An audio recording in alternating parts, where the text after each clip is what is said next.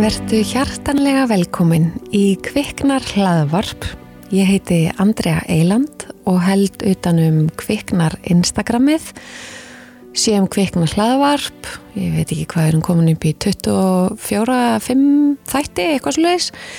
Og uh, var að samt góðu fólki búin að búa til lífkviknar sem hægt er að horfa á sjómarpi Símans og lífdabnar sem hægt er að horfa á stöð 2 hvet ekkur til þess að fylgja okkur, vera með í samfélaginu sem snýr að öllu barnegnaferlinu.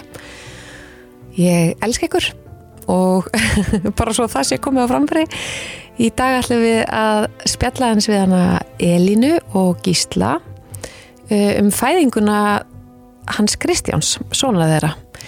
Og þetta er ein einstök saga, skal ég segja ykkur, og mjög áhugaverð hlustun og það er margt sem mun koma óvart og margt sem að hérna, verður gaman að, að leiða ykkur að heyra.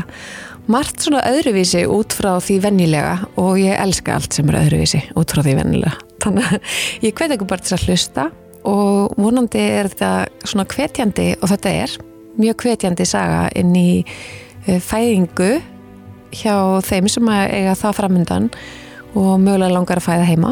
En takk fyrir að hlusta og gjör þið svo vel. Elín og Gísli, verðið hjertalega velkomin til okkar í Kvikna hlaðvarp. Takk, takk. Takk. Uh, við spjallum nefnilega saman, Elín, á Instagram eins og svo oft með marga við, viðmælandunum mínum sem að hérna, það er eitthvað, eitthvað sérstakt við söguna ykkar, fæðingarsöguna. Þið voru eignast eitthvað fyrsta barn. Mm -hmm. Hann er núna bara hvað, Tvekja mánu í dag. Í dag, já. Já, fekk nafni sett um helgina en þetta er Kristján Máni. Kristján Máni, fallegt. Til hamingi. Takk. Með bæði fæðinguna og vera orðin fóreldrar og, og nafnið og allt saman. Takk. Ég sé það á brósanum ykkar að þið eru allsæl með þetta. Þetta er búið að vera alveg frábært. Já. Þannig. Já, frábært og krefjandi á viksl. Já. Það er bara þannig. Og betur en í bjóstuði. Já, já. En miklu erðar en í bjóstuði líka. Já. Alveg miklu erðar. Ég held að þetta sé alveg ágættist lýsing á því bara hvernig, hvernig flestum fóröldrum líður. Þetta er bara einhverja allsæla en samt það erfiðasta sem við hefum gert. Mm -hmm. Já. Já, bara svolítið svo leiði, sko. Já. Mér langaði svo að heyra varðandi fæðingar undibúningin ykkar.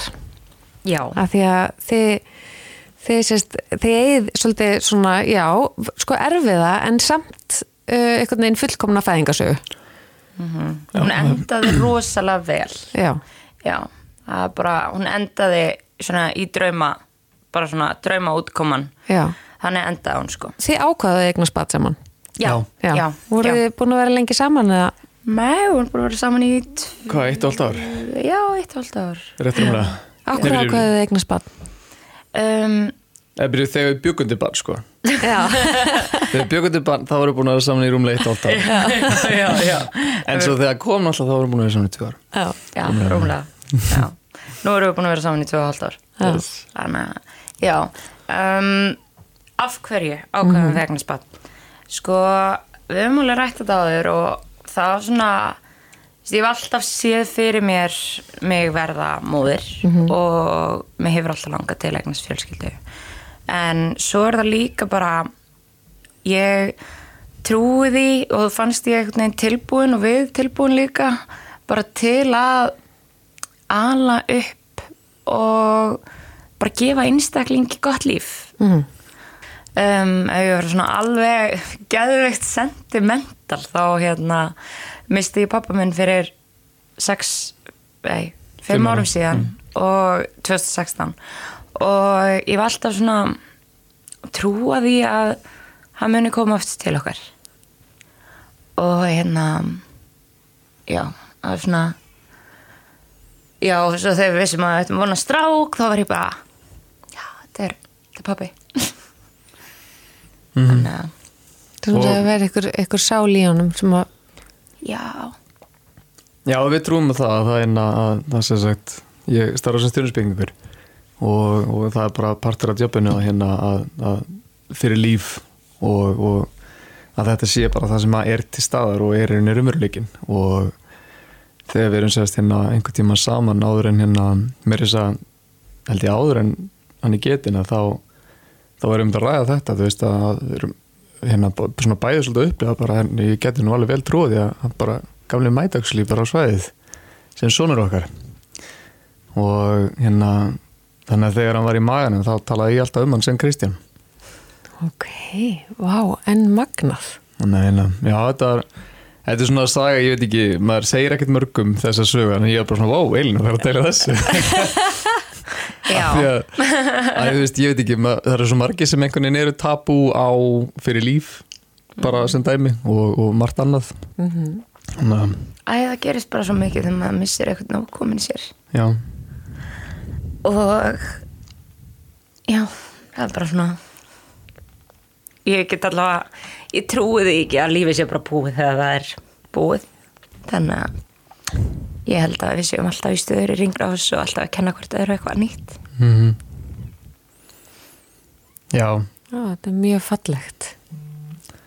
og það er sko, hann hérna, það er eiginlega fyndið sko þegar maður fer í stjörnukortið á, á lillastráknum okkar þegar hann fæðist. Og út frá því að þetta væri sem sagt í rauninni avans endurfættur og þá hérna þá fletti ég upp sem sagt að því hann er alltaf það gammal að það verður ekki til tími fyrir því hvernig hann fættur þannig þegar ég fletti upp tímanum sem að hann gæti þá verið fættur til þess að korti stemmi af að það eru vissar stöður í stjörnusbygginu sem að fara halda eða styrir í rauninni sömu líf eftir líf. Og þá hérna þá kom karakterina sem miklu betur í ljós í kortinu og þá stemdi þetta ótrúlega vel. Þetta var svona, svona gæsahúða moment, svona hálf creepy að sjá hvað í rauninni já, það, var ótrúlega mikil hlið, hlistaði, segjum það það var svo mikil eh, sama Já, í kortunum. Þannig að hérna, já, þannig ég bara er ef ég tala alveg reynd út þá hef ég verið á þeirri eilu skoðum bara síðan að fættist að þetta er bara gamla kallin komin þannig að og svo, svo fyndi með þessa þessa, þessa já, þessa gátt sem að kallast innsægi og nefni og, og þetta þú veist fyrir líf og okkar, það er ekkert sem segir að þetta sé ekki rétt og það er ekkert sem segir að þetta sé rétt. Þannig að það er bara trúin og treysta og þannig að við getum bara trúið því og treysti að þetta er bara gamla kallin komin til okkar Já, það eru líka svona viss karakterenginni sem að, þú veist, um, eru til staðar eins og þegar hann var í maganum á mér þá var hann svo rólur. Ég fann bara hvað hann var sultu slagur og pappi var svolítið þannig. Hann var úkslega rólur, uh, talaði aldrei illa um nokkurt mann og hérna var rosalega servitur og svona, já, let lítið fyrir sér fara svolítið. Og hérna og Kristi Máni var svolítið þannig í maðanum og ég var alveg bara þetta er ólegt bad þetta er ekki, þetta er ekki hérna, hann er ekki þú veist, hann var aldrei eitthvað ógeðslega mikið að sparka eða kýla eða eitthvað þannig, hann var bara svolítið slagur, það var svona eitt og eitt fyrir eitthvað svo kröftugt spark. En ég tala á annari hendi hversu oft það var sko, mm. einmitt pappi var mikill vasperi, var bara hérna vasperi í sól og, og mjög svona servitur og hann er með tungl í vaspera Kristján Máni núna í 29. gráði sem svona þroskaðasta gráðan hans. Þess vegna heitir hann Máni. Um, sem er þroskaðasta gráðan í í hverju plándu fyrir sig. Já, Já. sem segir sérst til um bara eigin, eiginleika uh, orkunar í þeirri sérst stöðu. Já, þannig að það hefur þetta rólindi með sér í fari.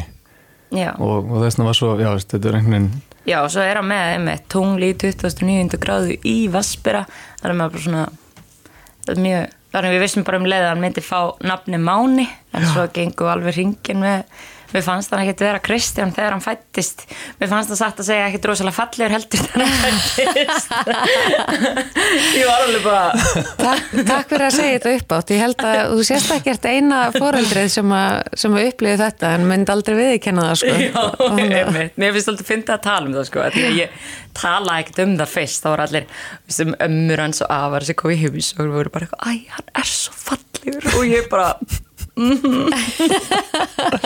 líka sko gott að því að finnst það.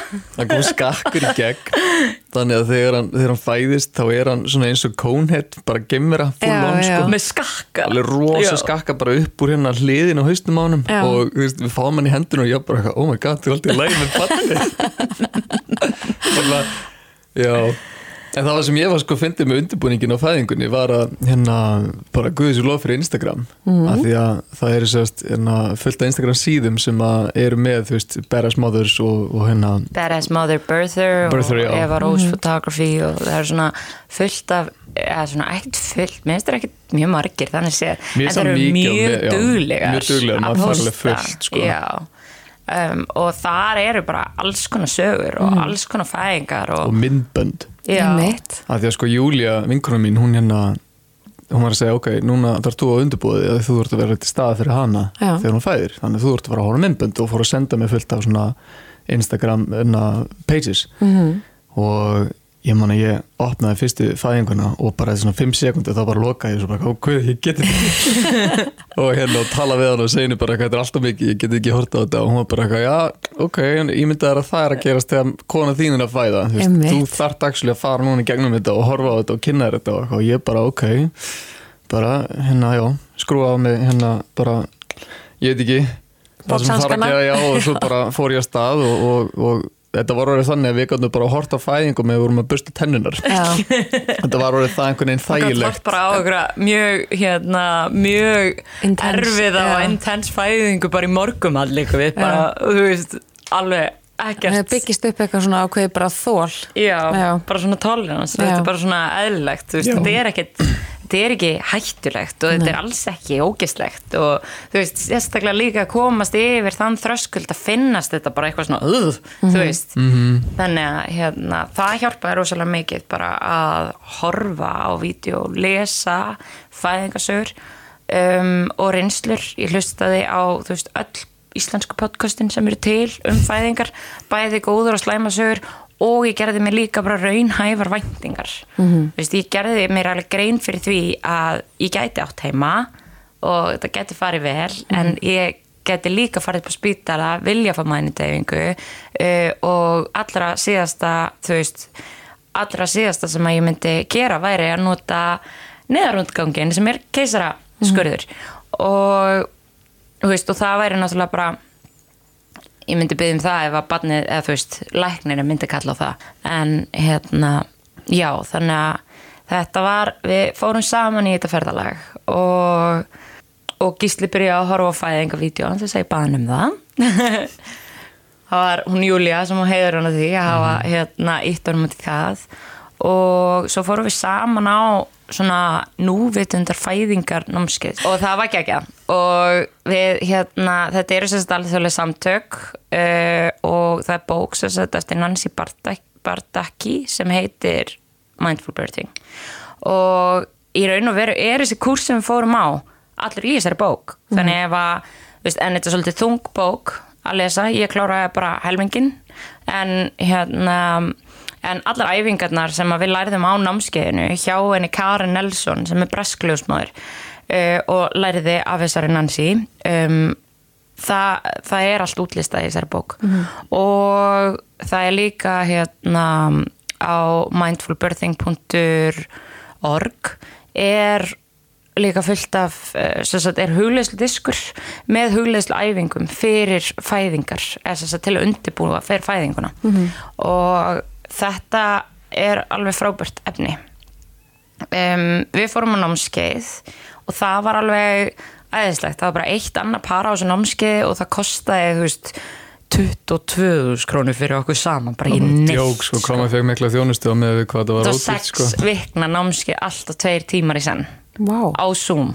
Bara, þú veist, hún er ég veit ekki hvað hún græðir á þessu hún, hérna Karen sko en bara hugssjón bara hugssjón skilur. Hún er og- alveg frábær. Já, á ótrúlega elskul, hún er dönsk og hefur búið í Breitlandi bara lengi, held ég hún er breska manni og það var bara, við fórum þú veist, allir þessi sex tímar voru alltaf hnitmiðar að ekkur þú veist, fæðingarferli, þú veist, líffræðilega hvað gerist líffræðilega í líkamannum uh, þegar fæðing á sér stað uh, hvað gerist svona hérna það var svona physical.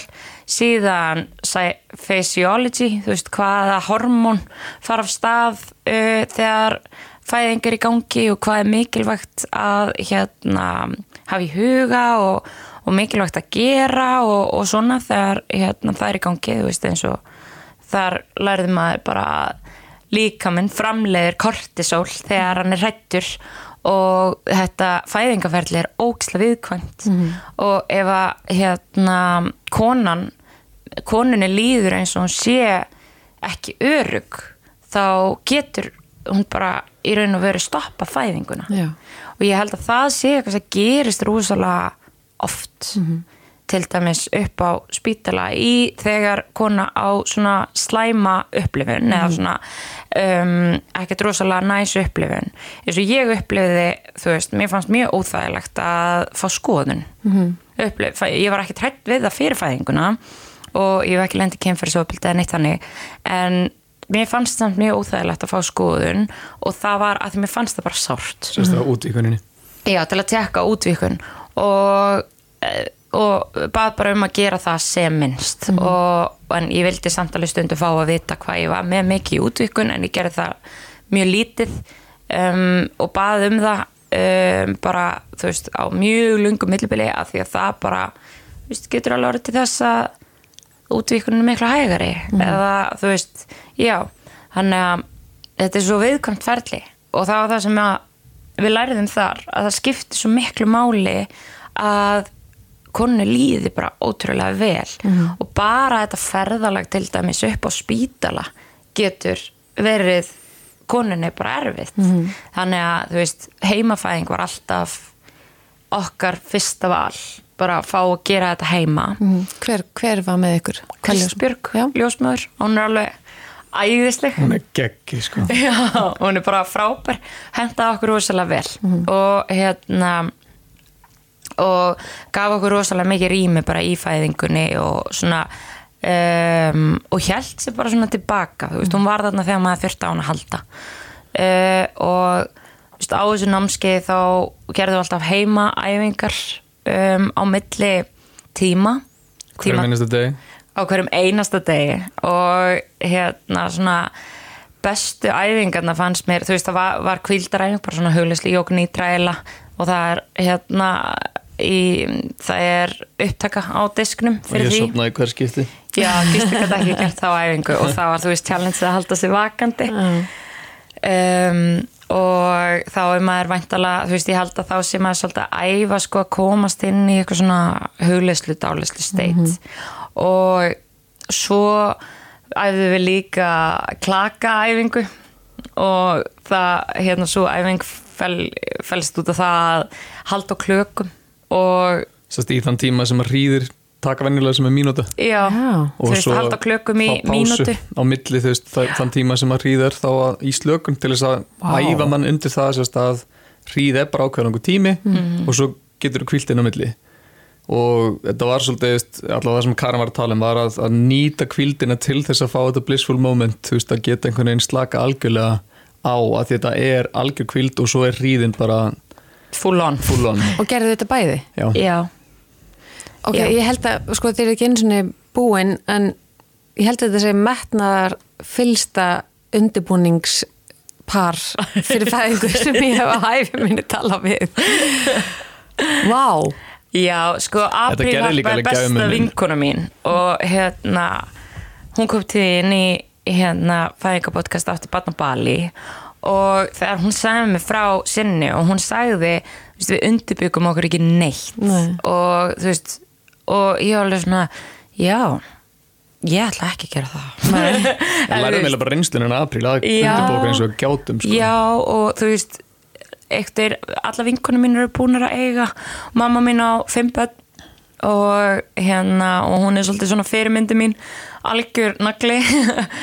Mér langaði að upplifa fæðingu án inngripa. Þannig að þú veist þessi undibúningur og ég áleita bara svo að það væri bara, bara nöðsilegt að vita hvað ég væri að fara út í eins mikið og ég gæti vitað svo ég gæti látið það verða veruleika. Um, sama hvernig fæðingin væri í raun og veru þú veist að því að svo var hann skakkur í grundinni -hmm. svo var þú veist fæðingin ógislega langdrein -hmm. og erfið. Og hérna og ég hefði ekki geta þetta ég hefði ekki geta klára þetta eins og ég kláraði þetta án undirbúningsins. Og þú veist og gísli líka var bara eitthvað algjör hann var bara klettur í fæðingunni og veist, ég held að hann hefði heldur ekki geta verið svona mikið til staða fyrir mig og verið svona mikið klættu fyrir mig ef að við hefðum ekki verið búin að undirbúa okkur svona mikið saman. Hann væri ekki búin að horfa á þessar fæðingar undirbúa þessi með mér og þú veist, gera þessar æfingar með mér að því að hann myndi mig á að slaka á. Hann myndi mig á að anda í gegnum hríðina þegar ég var bara, þú veist, að stípna eða eitthvað. En það var líka út af bókinni sem sagt, Ívar félagin hann mældi með bók sem hann enda las eftir fæðinguna um, sem ég man bara ekki hvað heitir. En það er sem sagt uh, Karl hérna midwife uh, í Breitlandi mm uh, ljósmóður sem sagt sem að hérna, skrifa bókina til feðra hvað eigi þið að gera í þessu prósessi. Já. og mér fannst það alveg geggjubók af því að um, hún var bara skrifuð til feðrana, ekki til mæðrana og þá var það bara, þú veist, ok hérna, konan ykkar er að fara genið þetta ferli og hún lýsir sér öllu saman en fer sér rosalega mikið út í það bara hvert er okkar hlutverk -hmm. og það er bara að, þú veist, kort negina oxytocin, hormonið, kallaði mm hormón að það kemur bara við vissar aðstæður þannig að þá er hann bara að teikna upp sér satt hvað aðstæður þær eru og það er bara ykkar að tryggja að þetta er alltaf til staðar -hmm. og Já og, og sérsturinninni hjálpa einni konun þá alltaf að komast inn í það ástand eins og þið getið. Og það var bók sem var mjög ótrúlega gott að hafa lesið af því að uh, mér leiði ekki eins og ég var að gera þetta kannski í fyrsta skiptið. Mér varst það rosalega áhugavert að fara í gegnum fæðinguna þú veist í fyrsta skiptið en einhvern veginn leiði mér aldrei eins og ég væri svona oh shit hvað er að gerast? Nei. Og það er ótrúlega empowering að því að þá, veist, eins og við sagðum með veist, Kristbjörg satt bara í sófanum um, eiginlega allan tíman nema þegar við köllum hann inni og vorum að spurja hana. Og annars var þetta bara okkar. Já, hún, þú veist, hún, hún að því hann var skakkur í grindina og voru að reyna að snúa honum í allan ennan tíma bara í 36 tíma eða eitthvað fyrir utan kvíldina sem ég fekk og á spítalanum. Og hérna og þá, var, þá, þá voru að gera svona spinning babies æfingar sem voru margar hverjar mjög sárar. Og það var í raun og veru einu skiptin þá kom hún með input eða viltu prófa þetta? En þetta þú veist og prófaði að gera þetta og ég prófa allt sem hún baði, baði mig um að gera sko. Og, en við gerðum það saman þú veist, það var bara ég og Gísli þú veist, alltaf teimi nema þegar Gísli var þreyttur þá búin að við kom Marja Já, og svo var hérna tvær vinkonum mín að voru í fæðingunni líka Marja Telma, æsku vinkonum mín uh, sýstir Aprilar Hörpu og hérna og við erum sérst alveg æsku vinkonum frá blötu barspinni og hún kom spurði hvort hún mætti koma ég var rosa ána með hana því ég talaði ekkert við hana fyrir og henni að vera með í fæðingunum og spurði bara má ég koma? Og ég eitthvað já, já, kottu og hérna og svo var hún bara bara geðveik sko. hún var bara algjör klettur. Hún var svo mikill klettur að Gísli vildi skýra strákin okkar Marius. Já, ægi hún var sko klætturinn minn. Já, ég fekk að vera klætturinn Eilinar og, og Marja var klætturinn minn. Já, að hún þegar svona ég fyrir stíða til leysti. hliðar og þú veist, þurfti bara að klústið eða borða eða eitthvað þá bara kom Marja inn og ég gæti bara tristinu 100% já, þá leisti hún sem sagt Gísla af og líka var bara svolítið, þú veist til staðar, þú veist, Marja getur náði þetta eða þú veist, gert þetta nennar að sækja mömmu skilur eitthvað? Og hérna að því að það Gísli fór að kefti í matinn. Hann alltaf kom sko, hann, Elin fer að stað þá erum við sko að laga hurðina Já, allar á, í íbúðinni sko, við ætlum að var, klára það áður en hann kæmi sko. Íbúðin var gjörsamlega í rúst. Já, og Bara- hvað er svona yðnar ástandi Já, Hvað voruð þið gengin langt þá? 39 38 pluss 6 já, já, já, einmitt. Já, já, þetta var sko enda, ég var ekkert síin veist, ég var alveg bara veist, eh, hún, Kristbjörg hafði skoðað mig á föstudeginum og við eigðum páskahelgin í þetta og svo fer ég að stað þrjöði deg og, hérna, og hún bara eitthvað, já hann er ekkert að fara að koma strax. Ég eitthvað, nei, hann er ekkert að fara að koma strax. Eitthvað og, hérna, og svo erum við bara að alla páskahelgina að hérna að Saga, líma lista já. á hurðar og saga út lista og hérna og ég er bara á bolta sitt og bolta, þú veist, líma lista og þú veist, bara bara eins og einhver smiður sko, bara kortir í fæðingu. Þannig að þú fórst ekki beint út kvildi í þessu fæðingu? Nei, nei, hann átti ekki að koma strax það Þetta segir okkur náttúrulega enn og aftur að börn koma nákvæmlega þegar það hendar þeim. Já, og við verðum að kvíla okkur alveg þannig að minnsta kosti mánuði fyrir algjörlega og sko. það eru bara, þú veist ég hætti að vinna á 1. apríl Hann og hann 7. fæðist 7. apríl ég var sett 14. og ég held að ég hefði alveg tvær vikur en þú veist að því það bara eitthvað, Elín, undirbúðu þið fyrir að ganga tvær vikur fram með þér og eitthvað lalala og svo var ég ekkert síinn og, og ég eitthvað svona, já ok, þú veist hann kemur bara þegar hann kemur. Ég var alltaf að djóka að það er nöyt sko. Já, einmitt. Sem er 20. apríl sko hann er alltaf stríðin og myndi ganga lang Þannig náttúrulega að nöyt sko. þá var ekki einu svona til matur það Þannig var ekki til mat. er til. Þú þurftir að fara og Við vorum bara í páskabóðum sko, við veist ég að pappa bara ringdum á hérna bara hei pappi hérna getur við komið í mat? Við buðum okkur bara í mat af því að við bara höfðum ekkert heim já, sko. til mömmu líka Já. og þú veist, við, við vorum bara ekkert já, vorum, Vorum bara að vinna. og vorum að græja þessar hurðar og þetta var bara ógisla fyndið. Og svo fer ég hérna stað. Við ferum að sofa á mánudeginum annan í páskum og hérna og hurðarnar eru ekki tilbúna sko. En þær eru svona það eru svona alveg að vera tilbúinu til að vera málar og þær hafa ekki ennþá verið málar um, Gott, gott, segi ég nú bara. já, ja, við ákveðum að drífa okkur ekki að flýta okkur ekkert með það. Nei.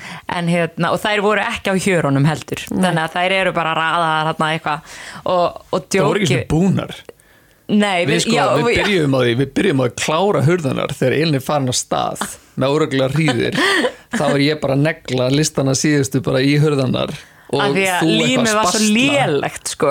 í, við keftum vittlust lím þannig að við vorum svo uh, skýsli og sérstaklega svo ógeðslega hrættur um að listandi myndi bara detta af að, hérna, að við bara svona, ok, þá verðum við bara að negla listana í hörðunar og spasla neglan Já. skilur í þannig að neglan er svona innst inn í listan og hérna spasla. Og þetta var svolítið missjónið um morgunin sko. og svo þegar það er búið þá fyrir við að þrýfa já, og þrýfa ég alla bara, ég íbúðina þreif eins og, eins og Nei, þrýfum við ekki fyrst og síðan. Kannski Ég held það, íbúðum var orðin fyrir Nei, það skiptir ekki máli. Það skiptir alltaf ekki máli. Já, Ég bara sko, ég þurrka af öllu, ég skúraði ríksvæði bara, ég hef aldrei þrifið eins, eins og bara, já, ég þetta ætla bara var- að gera það spotless og, Og ég fór ekkert hægt á stað sko. Þetta var bara svona fyrstu ummerki vakna Bara eitthvað klukkan hálf fimm um nóttina. Ég er búin að sofa í fjóra tíma. Nei, ekki einu sinna Nei, já, Þrjá og hálfan. og hálfan.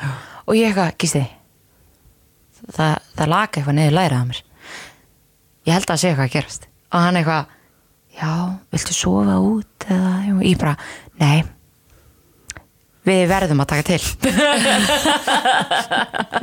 Af öllum viðbröðum einmitt, einmitt. En þú veist, íbúin var í þannig ástandi að það var ekki eins og hægt að blása upp fæðingalögina Nei. inn í stofu, skilur og þú veist, og ég var bara svona, við getum ekki bóðið svona, þú veist öll, það var Kristbjörg svo Gísli og hérna Hófi var ólétt sem að tók myndinar og og ég var bara svona, við getum ekki ekki verið með baðherbyggishurðina á hjörunum.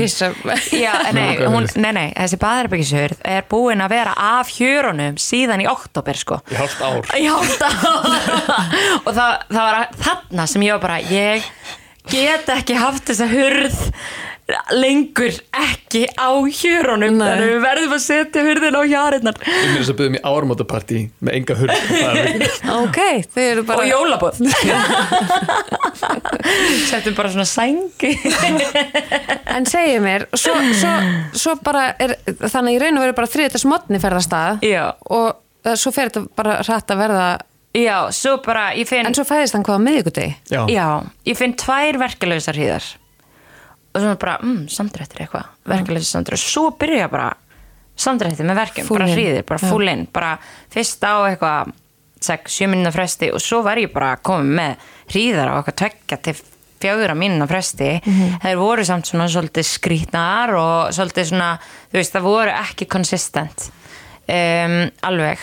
Fóru líka allar í baki á þér? Já, og fóru allir í mjóbaki á mér. Og það fannst Kristbjörgu frekar skrítið. Og, og var sem bara, hm, það er skrítið. Og byrjaði svona þreif betur á og bara, ég finn einhver axlir. Hann, hann er örgulega í stjórnukíkstu bara framhauðstu og þá var ég bara Nei. Af því að ég var búin að gera æfingar. Búin að vera að gera jókaæfingar til að skorðan en pælti ekkert í því að hann þyrfti líka snúa rétt. Hann að hérna og ég veit ekkert hvort að ég hefði geta þú veist, hvort að það hefði eitthvað virkað en þú veist, þessar spinning babies hérna, æfingar eru til þess fallanar að koma barninu í réttastu en ég slakaði bara á um leið og ég vissi að barninu verið skorðað. -hmm. og hérna og þá tóku við stífar æfingar með hríðunum. Og það er ekki gaman að einmitt frétta þetta að barnið er snýr ekki rétt Nei. í fæðingu. Og það er miklu erfiðara að uh, gera eitthvað í því þegar fæðingin er komin á stað heldur þegar það er ekki.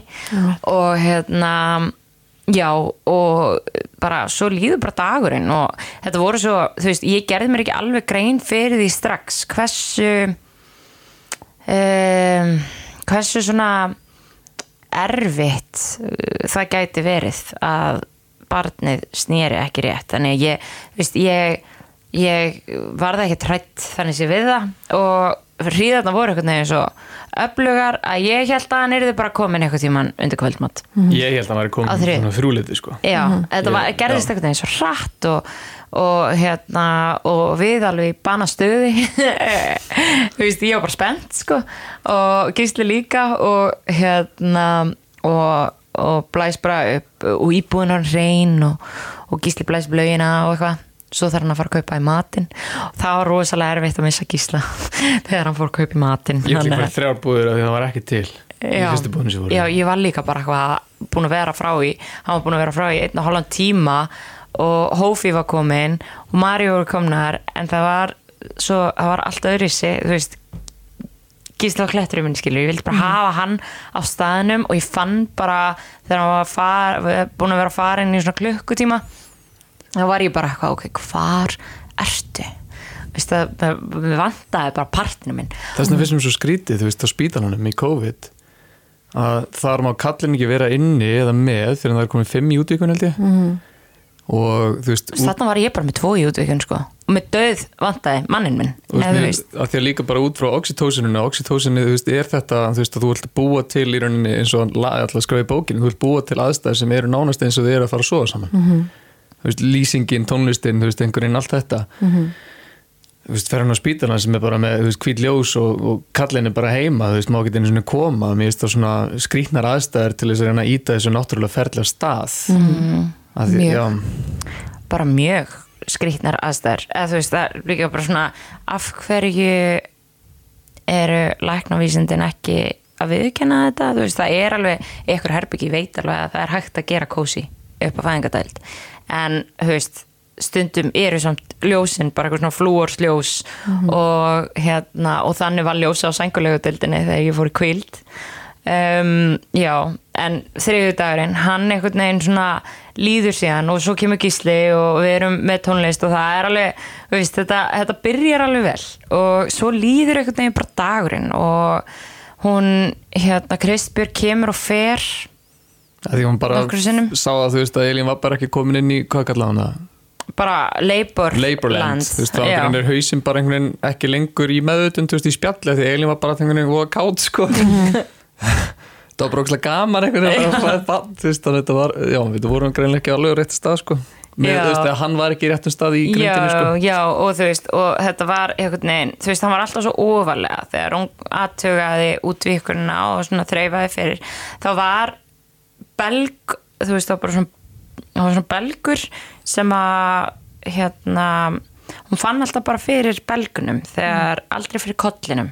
Og þá var uh, það bara svona hérna, inn, belgunum var intakt og bara vatn á milli og það var það sem var að sjá um útvíkununa ekki höfuð sjálf, sko. Já, já, Já, og hérna og um morgunin þegar fyrsta skoðum fyrir fram þá erum við tvo í útíkun og ég var bara eitthvað, þá er ég búin að vera í hríðumáli í nokkru klukkutíma. Og alveg frekar agressum heldur við allavega Já, heldur það, eða þú veist mér, þeir voru það alveg sko. að ég var alveg að nutta hana, þú veist, það líka þetta fór allt ekki henni bakið Já, sem er það sem allavega Krispjök saði að væri af því að hann væri snúin vittlust hann væri ekki rétt að þá fyrir þetta ekki í gegnum Já, og hann hérna Já, og svo líður verið, já, líður allir þriðdærin og hún fer og kemur svo aftur hvaðan kvöldið eða nóttina. Uh, um kvöldi, hún kemur sko um morgunin fer síðan aftur, kemur í hátteginu fer síðan aftur og kemur síðan um kvöldi og við, eftir vinnunni, já, já, eftir vinnuna svona klára vinnudaginn, hún sér alveg að þetta er ekki alveg að fara að gera strax og svona. Og hérna uh, já, og svo býð ég mömmu það finnst að segja frá býð mömmu, ég, er einhvern veginn svona mamma búin að fæða fimm börn og, og gerði það eins og hún gerði og, og, og ég svona var alveg vissum að hún er þið góður stöðningur í fæðingunni sko. en hérna, svo kemur hún. Og ég eitthvað ég fer í rosalega mikið svona tilfinningalegt hérna bara fæ eitthvað svona ótrúlega andla upplöfun þegar Marja mætir á sæðið bara svona, þú veist fæ svona gæðveitt spiritual upplifun sem að er rosalega hérna, sem getur alveg gæst í fæðingum. Og, og ma mamma kemur og bara svona Elín, ekki gráta! Og ég eitthvað mamma ég er að eiga moment. Og svo stuttu setna þá hérna er ég bara eitthvað aaa, þú veist, öskrandi í hríð og hún eitthvað, Elín, ekki öskra! Og ég eitthvað Sparað orkuna. Bara orkuna fyrir rempingin og ég eitthvað mamma, þegiðu það var örgulega bara rosa erfitt að horfa á litla barni sitt vera að fæða barn og hérna og náttúrulega 30 ár síðan hún átti mig. Einmitt. Og og greið endaði bara nú skrifstofu í okkur sko bara í símanu þar. Hún gæti ekki verið í sama herbyggju við. og já, ég var alveg bara mamma, þú ert ekki hjálpleg Nei, þetta segir okkur líka að sko konur náttúrulega bara eiga enginn af okkur á eins upplifun. Nei, nákvæmlega. að það er ekki hægt að einhvern veginn ekki, ekki gera svona, ekki gera hins einn þetta er bara Algjörlega. algjörlega eftir okkar eigið tilfinningu og innsæ algjörlega. Og þú veist og ég var bara að hlusta svo mörg podcast sem að stelpunum voru að tala um svo kom mamma og það var alveg æðislegt. Já. og ég eitthvað, já, æðislegt að hafa mömmu sín Já. og svo bara, nei, það var ekki það var ekki fyrir mömmu mína Nei. en hérna og, og hún vissi það alveg hún einu sinni, hún ring, heyrði síðan í mér á meðugundagsmorgun bara, er hann komin? Ég eitthvað, nei, hann er ekki komin en ég er að fara heim aftur. Og, og hún bauði sér eins og ekki skilur við, hún vissi hún var bara ég er að fara að vinna. Já. eitthvað, já heyrðist bara þegar hann fættur svolítið svo en leið þannig að það er það sem að gerist. Þú færð síðan upp á spítala. Já, sem Kristberg mæli með því já. já, Kristberg mæli með því, þá er bara klökkan að ganga 11 og ég ligg bara í hnipri upp í rúmi, ég bara get ekki meir og við erum búin að fara í göngutúr við erum búin að reyna alls konar æfingar til að snúanum og bara, þú veist, reyna að hraða einhvern veginn ferlinu og þú veist, bara ég er með reglulega ríðar sem eru bara, þú veist, á tvekja þryggja minna fresti og ég er bara hvað, þú veist, er bara búin og, og gísti líka og hvað ertu komin þarna með í útvikun? fjóra Já, og ég Eftir sko, hvað voru það? 19 Já. tíma og hérna, ég kom 19 tíma þegar við erum komin upp á spítala og ég fæ þessa morfín hérna en það er alltaf alltaf lægi með hérsláttin alltaf, hann er alltaf. sultu slakur þessi drengur sko. Í 36 tíma var hjarslátturinn hans bara steady 124 líku sko. Það var bara djók, Kristbjörg var bara já, barnin líður bara vel. Hún leið bara alltaf vel. Og hérna, já, hún sem sagt bara tala rosalega svona blíðlega við mig og, og segir bara, já, Elin hérna núna er 20 í stöðinni það er annarkvört að fara fram og gera meira æfingar til að reyna að snúa þessu barni hans eða þá að þú ferð upp á spítala og, um, og eða þú ferð upp á spítala og færð morfín og svona hríðaslakandi í æð. Og ég hafði ekki lesið um sem meðferðaður og vissi ekki í hverju hún eða þú veist hvernig hún var eða í hverju hún fólst. Og þá er þetta víst bara inngrip sem að bara gerir konunni kleift að kvíla sig. Og ég var alveg bara þegar hún sagði þetta og mældi með þessu og kvatti mig til að fara på spítala og var ég úkslega sorgmætta því að þú veist öll inngripin sem ég hafði lesið um voru þannig inngrip að þú ferð ekkert heim aftur, þú ferð ekkert heim ef þú ferð mæni dæfingu, þú veist þá ertu bara á spítala. En hérna en hún sannferði mig um það að ég gæti hugsalega komið aftur heim. Ef belgurum var ekki sprengtur ef að belgurum væri ekki rofinn og vatni væri ekki farið. Og hérna, en hún sagði mig það ekki þá. Reyndar, það er eh, hún hérna sagði mér að það hefði konu komið heim og hérna aftur fætt heima. Eða ég man ekki, þú veist, ég man það þannig. Um, og þá förum við bara upp í spítala og eða nei, áður við fyrir upp á spítala þá er Kristbjörg bara eitthvað, heyrðu, hérna þú verður að láta mig hafa leikla, segir hún eitthvað við Gísla og, og, og ætlar að taka til og, og svona að því hún ætlaði ekki að skilja allt dótið sitt eftir, allt fæðinga kitti sitt ef að ég kemi síðan ekkert aftur heim. En ég bannaði henni að ganga frá sundlöginni ég sagði bara ekki ganga frá löginni hún ætlar aftur heim. Já, ætlaði sko aftur heim. Og hérna, hún var rosalega ána með mig að hérna segja það. Og svo fyrir við upp spítala og það var svo gott að fara upp spítala. Ég held að hérna að ráðleggingum ljósmóðurinnar þá fekk ég bara að fara strax inn uh, og það var ekkert, þú veist, hún létt vita á undan bara konar er búin að vera hérna, í fæðingu í 19 tíma uh, hún þarf að fá kvild, þannig að þú veist ég fekk bara með við það sem ég heyri oft, þá eru konar bara sendar heim aftur með tvær íbúfinn Mhm. þú veist, ég veit ekki ef ég hefði verið heima í 19 tíma með þessar hríðar og ekki verið með Kristbergu sem að var bara minn aðtokett upp á spítalanum skilur þá veit ég ekki hvort að ég hefði kannski hefði ég bara verið sendt heim aftur með íbúfinn og, og reynd að kvíla mig við nóttina, ég veit það ekki. En þú veist en ég er rosalega þakklátt fyrir það að þetta var þú veist, að hennar á því og, og þá var mér bara komið fyrir á sængur kvenna deildinni og fekk þessa meðferð. Og ég gat kvílt mig og kvíldist í sjö tíma um, ég var vissulega að vakna svona stundum við ríð þetta er svona, þetta er hérna þessi meðferð gerir mann ekki sljóun og þú veist, maður er alveg ennþá fulli fem nema, þú veist, þetta bara svona slakar á öllu ferlinu, þú veist, maður er bara hríðarnar verða svona nánast verkjalausar og miklu lengra á milli hríða, þannig ég svaf kannski tvo tíma vaknaði, veist, svona við væga hríð um, fór mjög oft á klóstið að því ég fór mjög lítið á klóstið um daginn. Uh, og hérna en kvildist mjög vel. Og svo vaknaði ég morgunin og eða svona ég vaknaði um nóttina fyrst og bara, ég er alltaf að dingla bjöllinu að því ég veit ekkert hvað er eðlilegt í þessu og hvað ekki. Og ég eitthvað vaknaði við hríð bara eitthvað, hérna ég vaknaði við hríð. Og hún bara eitthvað, viltu ekki bara kvíla þig? Ljósmaðurinn alltaf. Kvíltu þig bara. En, já, þannig, ég vissi ekki alveg skilur, ég var ekki alveg meðvitu hvernig þessi meðferð virkaði. Þannig að þetta var svona, þú veist, ef mér hefði verið sagt heyrðu, hérna, þessi meðferð virkar svona. Þú kannski, þú veist þú, þú ert ekki alveg sljóð, þú dettur ekki alveg út. Kannski dett á sömu konur út, ég veit ekki. Þú gæti, það gæti verið að þú dettur ekki alveg út og muni vakna, það er alltaf lægi mm. ef þú þetta fara á klóstið, þá fara á klóstið svo ferðu bara aftur inn að kvíla þig. Þá hefðu þær geta spara sér öll dinglin mín sko. Um, en svo vakna ég Fín ábending. Fín ábending, að- að henda í þetta sko. Nákvæmlega. Og hérna og ég svona klukkan fimm eða eitthvað þá er ég bara svona fann að vera svolítið svöng og dinglabjöllinu bara eitthvað, má ég fá eitthvað að borða?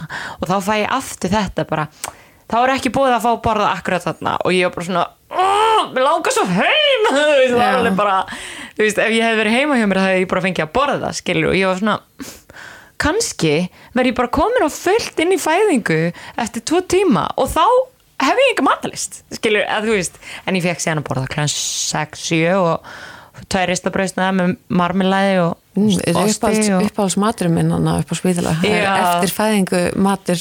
Já, þó að þú hefur ekki verið búin að fæða Já. ég, ég fæ svona eitthvað deja bú svo geggja gott. Þetta er svo geðvikt gott. Ég var alveg bara, mm, ristabrauð með marmilæði, osti og, og appelsinu sem var geggjað það er bara svona geðvikur Ég bara bara aldrei óska jógurt nefnum bara þarna á, spítalunum besta jógurti Ok, en allavega og svo Svo hérna fæ ég sem sagt kemur æðislega ljósmári Já. og hún hérna hún Klara, hún rosa, rosalega blíð. Og þá eru vaktaskipti búin. Ég var ekkert rosalega þú ert með henni? Nei, Nei, heim. Gísli mátti ekki vera Þetta með. var náttúrulega ennþá. Já, góð. Gísli ég er mátti sendur heim ekki vera sko, með. ég fyrir bara heim að taka til og bara Ok, náðu þú að leggja þig í þrjátt Ok, ok, ok. Í þrjá tíma? Ég var náttúrulega bara, þú veist, húsið var náttúrulega bara í mess skilur, og bara hangláð um allt og eitthvað, en ég fyrir bara ég vildi Og bara náttúrulega adrenalin líka og fullu já. Þú fegst ekkert morfín með þér heim? Nei, Gísli var bara sendur heim og mér fannst, mér fannst líka erfitt að Gísli mætti ekki vera með þarna eða þú veist, já. Það var skrítið Mér fannst erfitt að vera skilin einn eftir í, þetta var svona veist, þetta var bara svona herbyggi inn á sængur kvennadeldinni rosalega, þú veist, þetta er allt svo basic, skilur, það er ekkert ekstra. Og fyrir eitthvað sem er frekar heimakær og finnst bara svona, þú veist, er svolítið kósi, skilur þá, þá bara var þetta svolítið hérna, svona þurft umhverf fyrir mig.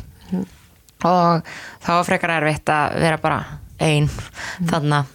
Uh, og En talandi líka um sko þetta með oxytocinið að þegar Elin vaknar og sendir á mig og ringir henni þannig að við spjöllum við síman þá varstu með einhverja hríðir Já, ég byrja að fá sko, já, er detta niður hríðarnar í þessari, þú veist, meðan lifið virkar og svo undir morgunin þá byrja hríðarnar að koma svona hún, meira. ke hún kemur þessi Já, nei, þetta er Nei. svona aðeins og undan Já. Uh, ég byrja að taka, þú veist, þá vakna ég vakna svona sex, hálf sex eða eitthvað og þá, þú veist, eru hríðarnar að byrja að pikka upp aftur. Mhm. og hérna, það er ekki komið vakt að skipta þetta í dinglabjöldinni og ég eitthvað, heyrðu ég er, hérna, byrja að fá svona frekar reglulega hríðar. Það er svona 5 mínútur kannski 5-6 mínútur á milli hríða, þá er ég búin að vera að fylgjast með því í, þú veist, að 40 mínútur eða eitthvað. Og hún eitthvað já, það er samt ekkert virkfæðing. Og ég er bara svona þessi ljósbóði fór svo í taugaður á mér. Ekkert selja kvetjandi Nei, ekkert sjálfa kvetjandi og hérna og svo og svo ringi ég gísla og er eitthvað, herru, hérna þetta, ég er bara búin að kvílast vel og, og, og ég laka bara til að sjá þig eitthvað og, og við tölum bara svona saman. Og svo er ég að fylgjast með, þú veist, hérna að hríða counternum og tek sér bara eftir, um leið og ég heyri röddin í gísla og bara tala við hann fæ bara þetta familiarity þá byrja hríðarnar að pikka upp bara 2-3 myndur á milli hríða. Og ég eitthvað, heyrðu geggjað, er að pikka upp. Og hérna og þá einhvern veginn svona líka leið mig vel, sólinn var að koma upp og, og ég var að fara að fá að borða og, og vaktaskiptin urðu og Klara kom og var rosalega blíð og góð. munar um að hafa ljósmóður sem er bara einhvern veginn tengir sko. Já, algjörlega. Og hérna um, já, hún Klara var alveg dásanlega hérna, indisleg, hún var bara svona jæja, við hérna, þú Enda getur hugsanlega að fara bara heim. Við þurfum bara að aðtuga hvort að legvatni sé farið það því að var eitthvað svona spurning með það. Um, við, þú tekur bara svona óléttu próf. lík- sem er já. og, og ef vatnið er ekki farið þá getur þú bara farið heim. Og ég eitthvað geggjað. Vona vatnið sé ekki farið bara var alveg hér sko. Og hérna og já, meðan, og ég segi ekki ísla frá þessu og ég ringi líka í apríl og apríl heyrir í mér og hún bara eitthvað og alltaf þegar hríð kom þá kom ég bara eitthvað ok, það er að koma hríð. Alltaf í senn momenti bara það er Já. að koma hríð, búin að æfa mig vel fyrir þetta. Já, já, svo byrja bara hríðanar með tvær, með tvekja til þryggja mínuna millibili. Og það bara þegar ég heyri röddina í gísla bara svona kunnuleg rödd og, og bara gefið mér strax vel í hennar tilfinningu, ég veit alveg hvað er að gerast í líkamanum mínum, það er bara oxytocin framleysla og líka þegar ég heyri í april það var bara svona, þú veist bara svona oh, þú veist það þykir svo mörgum væntu mig og allt þetta. Og hérna og svo kemur bara leg, legvasprófið neikvætt og ég bara yes, ég get farið heim ég fæ líka, ég fæ fyrir ekki mann ég bara Já. get ímynda með sko hvað er liðið mér á þessum tímpúnti Já, ég var alveg bara, þú veist, með stuttamöldir hríða en samt bara í bara stuði, sko. Og hérna, og bara geðvitt, þú veist, og, og skrúaði bara hausin einhvern veginn þannig á þegar ég gekk að spítalanum, ég bara, ég ætla að fæða barn í dag. Mhm. og þetta Bara- var eiginlega klika sko. ég lesi bók hérna eftir Scott Jurek sem er ultramarðanhlaupari tala einhvern um að það væri bara búinn á því hérna, á einhverju hlaupinu og sérst einhver vinnur hans var bara eitthvað, heyrðu, þú eru bara hugsað eins og þetta byrja upp á nýtt Mhm. og hann bara gerði það og setti met í þessari braut Nei, og hérna það var svolítið tilfinningi mín af Elinu þegar hún mætti heim Já. það var bara eins og hún væri að fara að byrja upp á nýtt sko. Já. Já, ég var líka bara, ég var svo þakklátt fyrir að geta farið heim, þú veist, fá að fara heim og la- vatnið væri ekki farið og ég bara, ok, í dag er bara nýr dagur, þetta er bara annað tækveri og þetta er bara, já, þetta er bara nýtt uppaf, þetta er bara, þú veist, taka tvö, Bannið let's go. Já, í dag skal þetta bara koma. Já. og hérna, og ég man ekki hvort að Kristbjörg hafi reynilega tekið, hún kanselaði öllu sem hún var með við daginn og var bara komin klukkan nýju ég og hún var bara komin stuttu setna og hérna og Marja kom síðan líka og, og Hófi kom í hátteginu og hérna og það var bara allt farið á fullt mjög fljóðlega eftir að við komum heim. Og þetta var alveg bara þetta var rosalega þetta var rosalega intense en samt miðvíkudagur svo- var samt geðveikur sko. Já. hann var æðislegur. Já, mjög, þú veist Þetta var bara svaml í lauginni og já, og partytónlist. Já, þú veist Krisberg var bara eitthvað svona heyrið, Elin, þú þarf bara að dansa og hoppa bara á hoppa bolta. Og ég bara eitthvað- ídónu niður þannig við settum bara okkur að geggjastu tónlist eitthvað bara, þú veist. Já, ég setti á svona gamla tónlist frá því hérna jam tímabili okkar stelpnana Já. og setti á hérna moderat, Moderat, já. new error og það var bara eitthvað og ég bara eitthvað á boltan bara eitthvað að jamma og, og ég eitthvað neina að senda stelpunar og hérna þetta var alveg, já þetta var alveg æðislegt þannig að þú sko. veist, miðvíkudagurinn sko hefði þriðudagurinn ekki gerst og miðvíkudagurinn var, þú veist, það þá var náttúrulega húsur reynd og einhvern veginn, þannig að við bara að vera. þriðudaginn út þá var miðvíkudagurinn geggjaðu dagur Já. og fæðingin var náttúrulega bara alveg æðisleg sko. Já, þetta var alveg æði en svo, þú veist, svo var þetta orðið bara frekar erfitt eftir svona klukkan 2-3, þá var ég bara svona uh, þú veist, og ég beið svolítið lengi með að hérna byggja um aðra skoðun, mm -hmm. ég, ég var ekki hrifin á skoðunum, þannig að ég var alveg svona, oh, ok. Og beið svolítið eftir að Kristbjörg myndi kannski stinga upp á því, en hún stakk ekkit upp á því. Og ég eitthvað var alveg í einn og halvan tíma bara sjöld langum í skoðun. Og meiri segja þannig mitt sko á þessum tíma þú ert komin 34 tíma þá sé ég svona í fyrsta skipti í augunum á eilinu svona ú, það, ég sá svona shift bara orkan er greinilega aðeins að fara. Mhm. Og, og ég allt í henni fór svona að missa trúna svona shit, það gæti endaði på spítala Mhm. af því að það, veist, það var svo ótrúlega sko, fókusið þinn var svo sterkur allan tíman, þú bara Mhm. ætlar að gera þetta og svo akkur á þessu tímabili sem þú ert að tala um að þá virtist allt í henni svona eitthvað fjár út úr augunum trúin á þetta geti gengið Já, upp þá eða eitthvað voru slíkt. náttúrulega líka bara yfir 30 tímar búnir af þessari fæðingu, skilur, og, og með þessari kvild. Mhm. um, og ég var bara svona, ok, þú veist, er þetta ekki að fara að gerast? en ég steig bara upp úr fæðingalöginni, var það, þú veist, 4-5 Eftir 36 eða eitthvað, eftir 36 tíma. Og bara ég vil fá skoðun og ég vil að þessi belgur sé sprengtur -hmm. bara ég ætla að fæða þetta batn dag. Og við förum inn í herbyggi og hérna hún Kristbjörg skoða mig og þá er ég komin 9,5 í útvikun Sko, já og hún bara nákvæmlega bara rífu gatt á belgin eða sprengi belgin og það bara svona þú veist, og það var bara svona gusast út alveg tært legvatn og, og ég er bara svona ah, yes. Þetta er að fara að gerast og þá finn ég bara kollin koma niður og hérna Já, og hríðan að fara að skila loksins réttu verkjum sko. Já, já, og það var bara svona og þá bara byrja náttúrulega bara rosalega hríðar og rosalega og stuttu setna rempingur og já þá er náttúrulega þá er engin dempari sko. Þá er engin Þá er dempari. bara barnið bara- já, já, Já. þá finn ég mitt bara svona og, og þá vorum við að gera æfingar, eða þú veist þá fórum við í stellingar og, og hérna Gísli var hérna kletturinn bókstaflega, þú veist, þá var ég að styðja mig við hann og, og nota þingdaraflið til að rembast og, og var yfirleitt bara á hérna í svona skvatti þegar ég var að rembast. Um, liggur þá mér ligg með ég ofan á gísla veist, í, og er með fætnirnar í gólfinu og er svona íta höndunum hans niður, nota þannig Já. þingdaraflið og þú veist og, og það var alveg erfitt fyrir gísla sko, þannig ég ætla ekki að gera það við Mari og ég er bara bara eftir að brjóta hann hendunar þannig að við þurfum að finna eitthvað annað. Og þá hérna næ ég trefil og hérna fer á bak við hurðina inn í söfnherbyggi þar sem það eru svona snagar. Og, og, og rempist þar og Mari nuttar á mér hérna mjóbækið á meðan. Og já það sem er svo mikilvægt í þessu þú veist eins og fæða heima. Maður er á heimavelli. Ég er, þú veist, ég er ekkert feimin við að skipa fólki fyrir og segja því hvað það ætti að gera fyrir mig. Ég hefði ekkert þóra þessu upp á spítala eða þú veist, mér fannst ég ekki geta gert það þegar gísli var til dæmis til staðar. Þegar hann fór að sækja mat þá var ég svona, ég ætla ekki að skipa Mari einhvern veginn að gera þetta eða að gera hitt.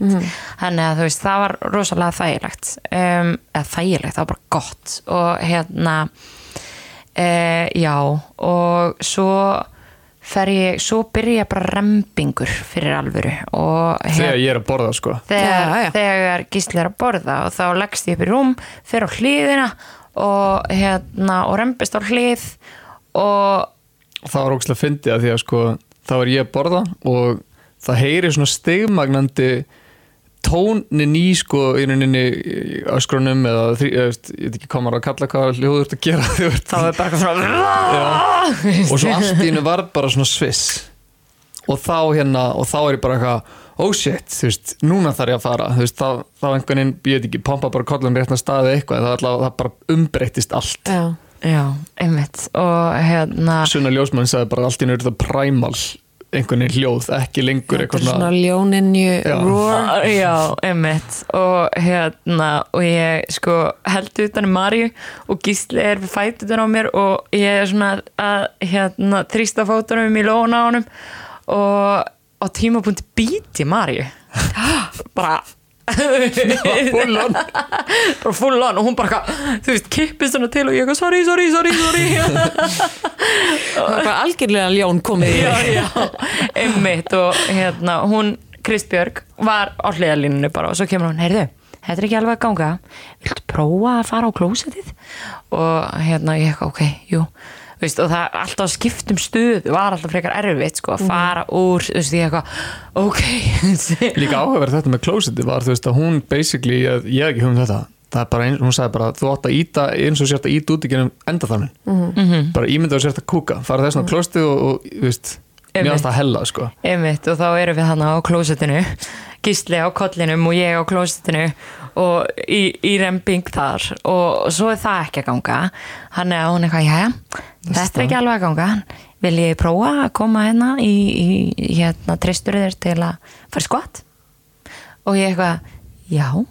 Og þá förum við fram á í forstöðu og hérna hún lætur mig gera svona skvatt með þú veist, bara ekkert bil á milli lærana og hérna þetta er svona innskeifingunin já, svona Já. innskif einhvern veginn snýr mjammakólunum öðruvísi. Já, og þá svona þreifa ég fyrir að finna að þetta er að gerast. Þannig er að koma niður og ég bara ok, það er ekki langt eftir. Það er ekki langt eftir. Og hérna, og er að rempast í þeirri stöðu með hérna hendurnar á öxlunum hans gísla bara með hendurnar Bara um utan um hálsinn. hálsin á honum. Og hérna svo er það ekki nógu mikið heldur, hann að Kristby kemur jæja viltu prófa? Getur, heldur þú getur hérna farið í djúpa nýrbegu svona deep squat. Ég eitthvað, já, ég get það. Og þá hérna sest gísli á koll og ég fer alveg niður í deep squat bara ég er svona frá gulfinu bara einhverjum 20 cm eða eitthvað. Ef það, ef það. Meira svona fimm? Já, meira svona fimm, bara alveg, þú veist, hann var það skakkur að það þurfti bara svona, þú veist, það þurfti bara þetta.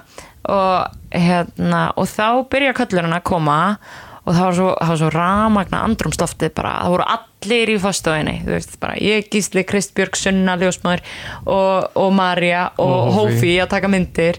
Og svo kemur hérna köllurinn. Þú sko, Og- þetta var störlað því að ég hérna, sérst, við erum með stóran fataskáp sem er speill og ég sný að speilunum og Elin snýr bakin í speilin þannig að ég sé actually kollin bara hægt rólega koma niður í, í speilinum, þetta var störlað sko að fá að sjá Já. þetta Þú hefði sko líka fataskápurinn snýr þannig að þú sér, ef þú situr í sófanum inn í stofu þá hefur líka getið séð þú veist sjónarhóttni þar. Um, og þá voru allir bara hausin er, hausin er komin Elín, hausin er komin alveg að koma. Og það var alveg rosalegt. Og hérna svo er hausin komin og þú veist það einhvern veginn og, og Kristbjörg bara eitthvað hófi, hófi, taktu mynd, taktu mynd. Og hún er eitthvað komin sjö mánuð á leið og hérna bara alveg á gólfinu. að taka myndir. Og hann hérna kollinu snýr svona að lærinu mínu, hægra lærinu. Og, og hérna já, svo kemur hann held í næsta remping Já, en þannig sko þegar kollurinn komin það var alveg surrealist moment að því að þá í fyrsta skipti fatt að ég að við erum að fara að eigna barn.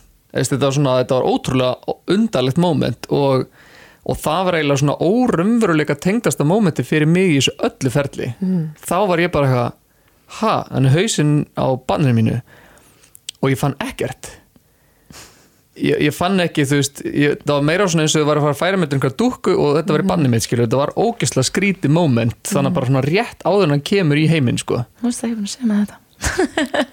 Og hérna, já, þetta var alveg klikkað að hérna, þú veist, að ég, og ég þannig var þetta ég reynin í fyrsta skipti svona ég veit ekki, hrættur eða, eða svona, ég var eitthvað, ú, þetta er eitthvað mér þetta ekki eiga við þetta, þessar Mér er tilfinningar ekki að líða svona. Já, Já. svo hérna, já, halda áram Já, og svo kemur, eh, þú veist, þú verður eiginlega, ég man ekki alveg eða þú veist, já, svo bara basically hérna, kemur hann í næsta já, rembingi? kemur bara næsta rembing. Já, þá og bara þá- reyndar, nei, hann kemur með hendina Nei, já, með í haustum, já. hann er Kristberg er að reyna að ná hendinni sérst, út þannig já, komist breytur Já, hann kemur sér sett svona út með hérna, hendina sína við kinnina Já. og er fastur í smástund þannig, þannig að Kristbjörg er eitthvað græjar eitthvað, það tekur eitthvað tíma þú veist, tvær myndur eitthvað Mhm. og hérna, og svo í næsta rembing kemur hann bara út og þá er að þá er hérna naflastrengurinn tvífafinn um hálsin á honum og ekki teirist í honum já, ég, það, ég man ekki þetta því Já, þú veist, það bara, hann bara kemur út Kristberg er bara eins og einhvern Jedi sko, hann bara í fangi, losa nafla strengin Mhm. og bara, þú veist, líka við bara svona hendur honum í fangi á eilinu Mhm. og, og það tekur bara svona nokkur moment og þá Já, allt í er byrjar hann að byrjar hann að kjökra Mhm. og bara það var alltaf fyrir mig, það var alveg störlað þegar hann byrjar að kjökra og maður heyri fyrsta hljóð í honum Mhm. Þá bara brotna ég gersalega niður sko. og, þú veist, og þá einhvern veginn Það var svo rafmagna fyrir þig. Ég er nefnilega hitt sko þegar hann er ekki, þegar er ekki teirist í honum og hún er að taka hann. Ég er ekkert, ég er bara Á eitthvað starf annars þar, Já. þarna sko. Svo bara fæ ég hann í fangi og mér líður bara eins og hann hafi komið í fangi á mig strax. Þannig er mín upplifun sko. Og þú veist, ég sé hann og ég er bara eitthvað, þú veist, mér bara, þú veist, mér er eiginlega bara svona, veist, ég er bara að ná mér eitthvað neginn, ég er að ná áttum. Og svo byrja hann bara eitthvað, og bara eitthvað. Og, og öskraði fyrir eitthvað hátt fannst mér. En svo sagði þú að hann gerði það ekkert. Mér finnst þetta bara einhver svona smá kjökur sko. og svo veist, loksins, jú, kom almennilega öskur sko, og þá var maður, af því að maður hefði alltaf hýrt á Instagram bara, ah, strong lungs þú veist, Já. Það geða gott að heyra sterk öskur þannig að þegar loksins hann öskra fullu krafti þá er ég bara, yes! Okay. já og það sem var svo dásalegt sko þú veist að geta bara lappað upp í rúm. Farið upp í rúm þrjú saman, þetta voru svona fimm skref. Fimm skref. Já. upp í rúm, við þrjú bara saman. Upp í okkar rúm. Bara, þú veist, með litla batna okkar, hann ennþá bara tengdi við mig og ég vissi ekkert hvað ég ætti að gera við þetta bat, sko, eða þú veist, ég var bara þú veist, þetta var svo skrítið Þetta er náttúrulega súræliskasta moment og það, þau eru alltaf jafn súrælisk sko, nú er ég búin að fæða fimm og þau eru alltaf jafn bara eitthvað svona en, ég, en það er, þú veist, það er fallegt að ég raun að vera í einn og sömu fæðinguna að upplifa bæði þetta þessa ekki tilfinningu sem þú áttu vona á og síðan að fá að upplifa líka sko, Einmitt. þessa losun og þessa tengingu. Einmitt. það er fallegt. Einmitt. og ég, þú veist, það var alveg bara ég vissi ekkert, þú veist, við vorum búin að fara á veist, það var brjóstakjafa námskeið í þessu mindful, mindfulning birthing námskeið líka, einn af tímanum var um brjóstakjöf. Og við fórum líka brjóstakjafa námskeið hjá nýju mánum hjá hann í Ingibjörgu. Og ég vissi svo sem alveg hvað ég ætti að gera en ég vissi þetta ekkert hvað ég ætti að gera. Nei, En, ég veit það. ég alveg bara á, ég setja hann á brjóst. Mína Já. þú veist eitthvað og það er bara, já, já, hann setja hann á brjóst. Og ég bara, ég kann þetta ekki. Þú veist, ég bara, ég kann þetta ekki. En Og þarna fyrstu- seg, þetta segir líka svona, þú veist, það er einhvern veginn aldrei hægt að finna út síðan komin í. Já, Hvað áttu þá að gera? Þannig að algjörlega þá þetta er bara, já. nákvæmlega og En svo veist- tókst það. já, Já, já, já. já, veist, já, það já. ég meina skiljur, þú, þú meina, svo bara gerður þetta. Einmitt. Og það er það sem er svo magnað. Að það Nákvæmlega. kemur einhvern veginn upp allt það sem þú ert búin að læra og síðan bara ykkar eigið foreldra eðli. algjörlega og svo veknum við bara nokkru sinnum með nótina það sem að hann hann sko, Elín sopna undan honum Já. hann liggur á bringuna henn eftir að hann er búin að borða Elín bara og hann að hljóta Gersamlega og hann búinn. bara eitthvað með augun opinn bara eitthvað að skoða rosalega rólegur Já.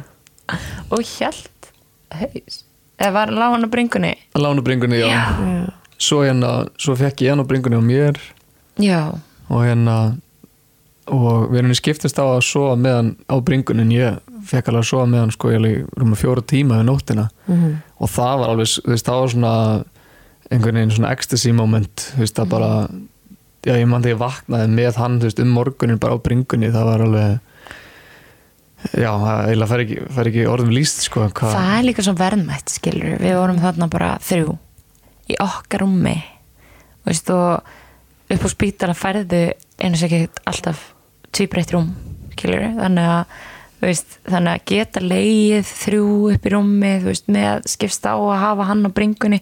Ég vildi eiginlega bara hafa hann á bringuna skýslaði, ég var bara búin á því sko. þessu vaknaði ég líka nokkru sinnum og við vaknum bæði yfir nóttina þegar hann vaknaði til að fá að drekka. Um, hann var náttúrulega bara eitthvað að sjúga gerfurtun hann var ekki að drekka. Já, fá brottin, mjög já, mikilvægt. fá brottinn nákvæmlega og Koma sér hérna og það, þú veist, þetta var líka ó, ég glemdi nefnaði mitt þegar hérna, Krisberg bauð mér að fara upp á spítalan þá sagði hún líka þú veist, ástæðan sem ég fór um, og bara fór með heilum haug var bara, þú veist, ég vil að þú hafir orku í sænguleguna Mhm. bara svo að þú hafir það er bara mikilvægt að þú fáir kvíld Mhm. Svo að hérna sért bara ekki búin á því í sengulegunni og ég var svo þakklátt bara fyrir þessi, bara þessar ráðleggingar frá henni Kristbjörgu bara að hérna, þú veist, ég bara já, make a sense, mm -hmm. því mér langaði ekkert að fara upp spítala sko. Og hérna en hún gaf mér samt val. Og það var þú veist, það var svo mikið þess verði að því síðan var bara þessi sængulega eitthvað annað, þú veist, ég var ekkert alveg, þú veist, ég var ekkert alveg bara þú veist, ég var ekki var, þú veist, þetta endaði útrúlega vel og ég var bara, þú veist, ég var þreytt en ég, ég var samt brött mm skilur og þú veist, ég ripnaði varla og þurfti að sauma eitt spór og það var líklega meira út af Kristbjörg og eitthvað. Hún laga hendina að hans. Laga hendin hans heldur hann hitt. Var líka, þú veist, ég stóð alltaf upp á milli og hausinn komaðan niður og síðan stóð ég upp. Og, og þá fór hann aftur inn. Það var eins og ég hafi svona, þú veist, bara hjálpað þess að vika eins meira. Já. um, og já, þetta var svo mikilvægt, þessi kvíld var svo mikilvæg að hérna En þetta, þetta segir líka einhvern veginn svo- bara fallega sögu af báðum stöðum. Mm skilur, sem að, og það, það, mér finnst svo mikilvægt að þeirra konur eru, að því að nú er ég til dæmis heimafæðingar kona og, en hef aldrei endað á að fæða heima. Þú veist, en ég er búin að reyna þrísvar þannig að hérna eða þú veist, ætla, ætla þrísvar en, en hérna en að því að mér finnst stundum eins og það komi upp svona þú veist, heimafæðingakonur versus spítalafæðingakonur og mér, mér finnst þetta alveg falleg saga um það hvað báðir staðir skiptu máli.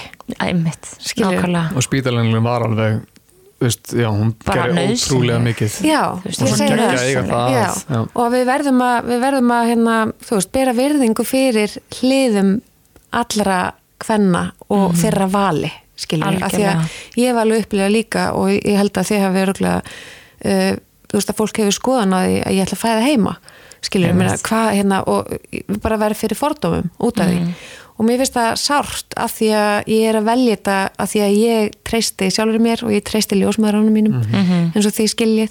Og hérna og mér finnst mér mikilvægt að það er að svo hlið heyrist og hvað þá ef þú hefur síðan farið upp á spítala og bara líkaði það vel en þú fórst samt aftur heim af því að það er bara þitt þó að það hefur gengið erfilega og mér finnst það við verðum að bera virðingu fyrir þessu skilur við erum náttúrulega miklu færri sem viljum fæða heima. En einmitt hérna þú veist, að, að við að, já, að, við- að, við, að við hlustum á sögur þessara kvenna og hversu mikilvægt það er fyrir okkur að fá að fæða heima á okkur heimili og að við elskum það og hérna, Nákvæmlega. og að ljósmætnu taka enga áhættu og þetta sýnir það líka bara. Veist, hún bara, hún meiri sér ráðlega þér þú veist, að þú gætir farið á spítal til að kvíla því, þannig að þær eru í samminu ljósmæðunar, þetta er ekki heimafæðing á móti Einmitt. Landsbytala og öfugt. nákvæmlega. Þú veist þetta snýst allt um að koma börnunum í heiminn. Þetta snýst líka bara allt um það að koninni líði bara vel í fæðingunni Já. og ef að það er, þú veist, að fæða á spítala þá er það bara þannig og, og þú veist, fyrir mig þá var það að fæða heima, skilur og finnst, já, og fólk sem að velur að fæða spítala verður líka að bera virðingu fyrir þeim sem að vilja það ekki. Já. alveg eins og, þú veist, þetta með mændæfinguna og ekki mændæfinguna, við verðum bara að hlusta á hverjar og leifa og ekki vera ég myndi nú, eða þú myndi nú eða mér finnst þetta, mér finnst unnsinn, skilur bara beriði virðingu fyrir því að konan sé að taka upplýsta ákvörðun. Veist, og, auðvitað, og það er svo frábært að heyra ykkur tala um þú veist, að þeir eru búin að fylgja allum þessum Instagram-akkántum og ég er náttúrulega að mæli með því fyrir alla hlustendur. Þú veist, skoðið þetta allt og horfið á fæðingarnar eins og þið gerðuð. Þú veist, undirbúið ykkur, farið á þessi að auðvitað, auðvitað gerir þetta einhver- einhvern veginn aldrei tilbúin en þetta hjálpar rosalega mikið Þetta Þetta er hjálpar rosalega mikið. Þetta er það. Þetta er valdeblandi og Já. það er bara fyrst og fremst sem það er og þú veist bara viðhorfið eitthvað ignorance is a bliss ég ætla bara að taka ferlin eins og það kemur þegar þú ert alveg blár á baku eirun þú bara þarft að sí Nei. fyrir fæðingar og það er eiginlega bara þú veist, það er ekkert betra. Nei, og kannski stundum ef að það er allt bara frábært og þú ert bara heppin en, og, og það er einhvern veginn allt bara svona gengur ógsta vel og allir indislegir skilur en þú veist eins og eins og með april þá bara umhverfið var bara ótrúlega óvinveitt henni. Og það, það, þess vegna mist hún þú veist og hún vildi reyna skilur og það bara, þú veist hún vildi reyna undir að síðasta en það var bara sagt nei Þú veist, óttin er náttúrulega versti Já. óvinnur, fæðingar sko. versti óvinnurinn Þannig- en ef að þú veist, ég veit allavega þú veist, ég, þegar ég heyrði þessa sög þá var ég bara, ég vil vera undirbúin fyrir Mhm. það að eitthvað segir mér eitthvað svona, skilur eins og í einu podcasti sem ég hlustaði þá var eitthvað með meðgöngusíki síki Mhm. og læknir sagði bara við hana já, barnið þitt getur bara dáið Mhm. þú veist, eða eitthvað og hún fór í gangsetningu eitthvað sem hún vildi ekki Mhm. en hefði alveg getið sleftið, skilur þú veist bara að maður geti tekið upplýstar ákvarðinir, sé það upplýstur að maður geti þú veist, að bara hugsi, já ég get alveg ráðfært mig við annan lækni eða þú veist, tala við ljósmaðurinn mína. Eða þú veist, bara ég vil þetta ekki að því ég er alveg lesið um að þetta sé ekkit endilega þú veist, þetta sé ekkit endilega máli og mér líður ekki vel með að gera þetta svona. Þú veist, og það sem er líka bara ógæslega mikilvægt í þessu er að þú veist allavega við á Íslandi við höfum val. Mhm. þú veist, kona hún ræður því hvort hún þykkur og hvenar hún þykkur mm Mhm. og það á líka við um fæðingar það er ekkert bannað fyrir konu sem að hefur átt sem að á fyrir keisara þú veist, hefur farið í keisara skurð fyrir fæðingu að hún velji það að fæða heima Mhm. það er ekki bannað en það er, þú veist, frábending þú veist, það er ekki allar ljósmæður sem að taka því eða þú veist, mm. heimafæðingu Fóður, ljós, já. ljósmæður eða þú veist og það er allir gangur því en þetta er ekki reglur, þetta eru bara viðmið. Mhm. og hérna og eins og Ronja Móensen, hann hún fætti heima bara án, án þess að hafa ljósmæður og, og að því að hún vildi bara hafa þetta ákveðið og treyst líka mann sinni fyrir því. Og það er bara hennar réttur að gera það. Og hérna og ég er ekkert að mæla með því að þú veist, fólk gerir það. skilur, ég myndi ekki er gera það. hero, skilur en það Já, en veist, ég er ekki, ég er ekki ég myndi ekki gera Þetta er það svona do not try this at home. Já, Hérna, viðvörun. já, en þú veist, þetta er samt það sem er svo mikilvægt í þessu er að þetta er ekki þetta er ekki reglur. Þú, Nei, þú veist, við, þú veist, það, það, það, ég held að þessi mikilvægast er að við séum búin að tala við, þú veist, læknana, ljósmaðurnar, Mhm. hvor aðra, veist, lesa, fræðast, horfa. Einmitt. gera, þú veist, vera bara svona vita hvað ég vil Já. og þú veist, bara vita þú veist, þetta er, þetta er drauma þetta er bara svona draumascenaríu Já. svona vil ég að þetta sé Einmitt. ef að það gengur ekki upp þá er þetta kannski plan B þú veist, ég vissi, ok, ef þetta gengur ekki upp þá, þykki, þá fer ég upp á spítala Við höfum oft talað um að það er gott að hafa, sko, A, B, C, D, Já. E, einmitt, plan. Einmitt, að nákvæmlega það getur svo margt breyst á leiðinu, bara eins og hérna sagan ykkar sýnir. einmitt, En, nákvæmlega en að lokum, Já. uh, hvernig er að vera síðan fóreldri? Þeir eru bara tveggja mánuða, hvernig, hver er raunin? hann er alveg bara hann verður brjálæður ef hann fær ekki brjóstið nákvæmlega eins og hann vill annars er hann bara frekar góður sko. Þetta er sko, ég er náttúrulega byrjaði bara sem einhver Já, bara að vakna alltaf og, og, hérna, og var bara í öllu einhvern veginn þú veist, já, vildi bara gefa henni algjör að kvíld þangar til, þú veist, eftir já, einhver 8-9 daga þá eiginlega bara fattaði hvað mér leið rosalega illa og ég var eiginlega bara algjörlega miður mína þegar ég var bara hættur að geta tengst honum sko. Mm. um, en það ég held að sko að barni kemur í heiminn og maður elskar það óskilirtlaust Skilyrðislaust. um leið, nei, skilirtlaust um, Mm. leið, um leið Mm. um, og þannig allt í hennu bara finn ég þú veist að, að það var ekki raunin Mm. og við eiginlega svolítið tölum saman og ég hérna svolítið miklu afvirkni þannig að ég bara við ákvæðum það að ég fer á æfingu einu á dag og sef þess að þegar hún gefur á nættina og tek hann frekar á mótnana Mhm. Og við það að fá þess að kvíld og reyfingu að þá allt í hennu, þú veist, fór mér að líða betur og þá loksins gæti ég fara að tengjast honum. Mhm. og mér finnst eiginlega ótrúlegast er að, að ástin gagvart honum er ennþá að aukast. Og það finnst mér eiginlega svo störla því hún er orðin í dag, náttúrulega tvei mánuður er orðin svo sterk. Mhm. en ég finna ennþá bara viku eftir viku að bara þú veist einhvern veginn tengingin er svo mikilvæg og góð. Og ég náttúrulega sko er núna en ég ætla ekki að fara að þjálfa aftur eitthvað bara, bara sumar sko Mhm. ég ætla alltaf að taka mig sex vikur í fæðingaróla þannig núna er ég að taka um, ég er rétt Þrjá mánu? já, þrjá og hálfa mánuð Mhm. í fæðingaróla því að hérna ætla að byrja aftur í júli lók júli og við erum búin að vera tvo mánuði saman og eiginlega bara ef ég fæ að gera sjára til pappa það feður að hérna að taka ykkur góðan tíma í fæðingaróla fyrst Mhm. ég hef alltaf einhvern veginn heyrt áður þú veist að já, ekki taka mikið fyrst takta það frekar setna og eitthvað svona. Nei, verið saman. Mhm. og, og, og sérstaklega sko því að það er, hérna, við sáum það í heimildamindin á Netflix að barn sem sagt um, eða það er einu hormónin, tengslahormónin sem myndast á milli barns og móður karlmaðurinn er yngu öðruvísi. Mhm. hann þarf bara tíman með barnu eins og móðurinn. Og það er það sem ég er að finna og mér veist, ég er svo þakkláttur fyrir þessar, þessar vikur, ég er bara, ég er svo spenntur fyrir þessu næstu sex vikun sem ég á með honum og, og við saman af því að, af því að þetta bara, þetta er, þetta er ótrúlegt Já, að finna, ótrúlegt. og veist, og ég, bara svo, ég, veist, ég er svo þakkláttur fyrir að fættur á þessum tíma, en að fæða á þessum tíma því að veist, pappi og, og eldri, já, þú veist, er bara, bara þetta var ekki til bóða þá var þetta ekki í bóði og Nei. þeir bara, það var bara kettlingaskapur að fara eitthvað í fæðingar og lof skilur Mm.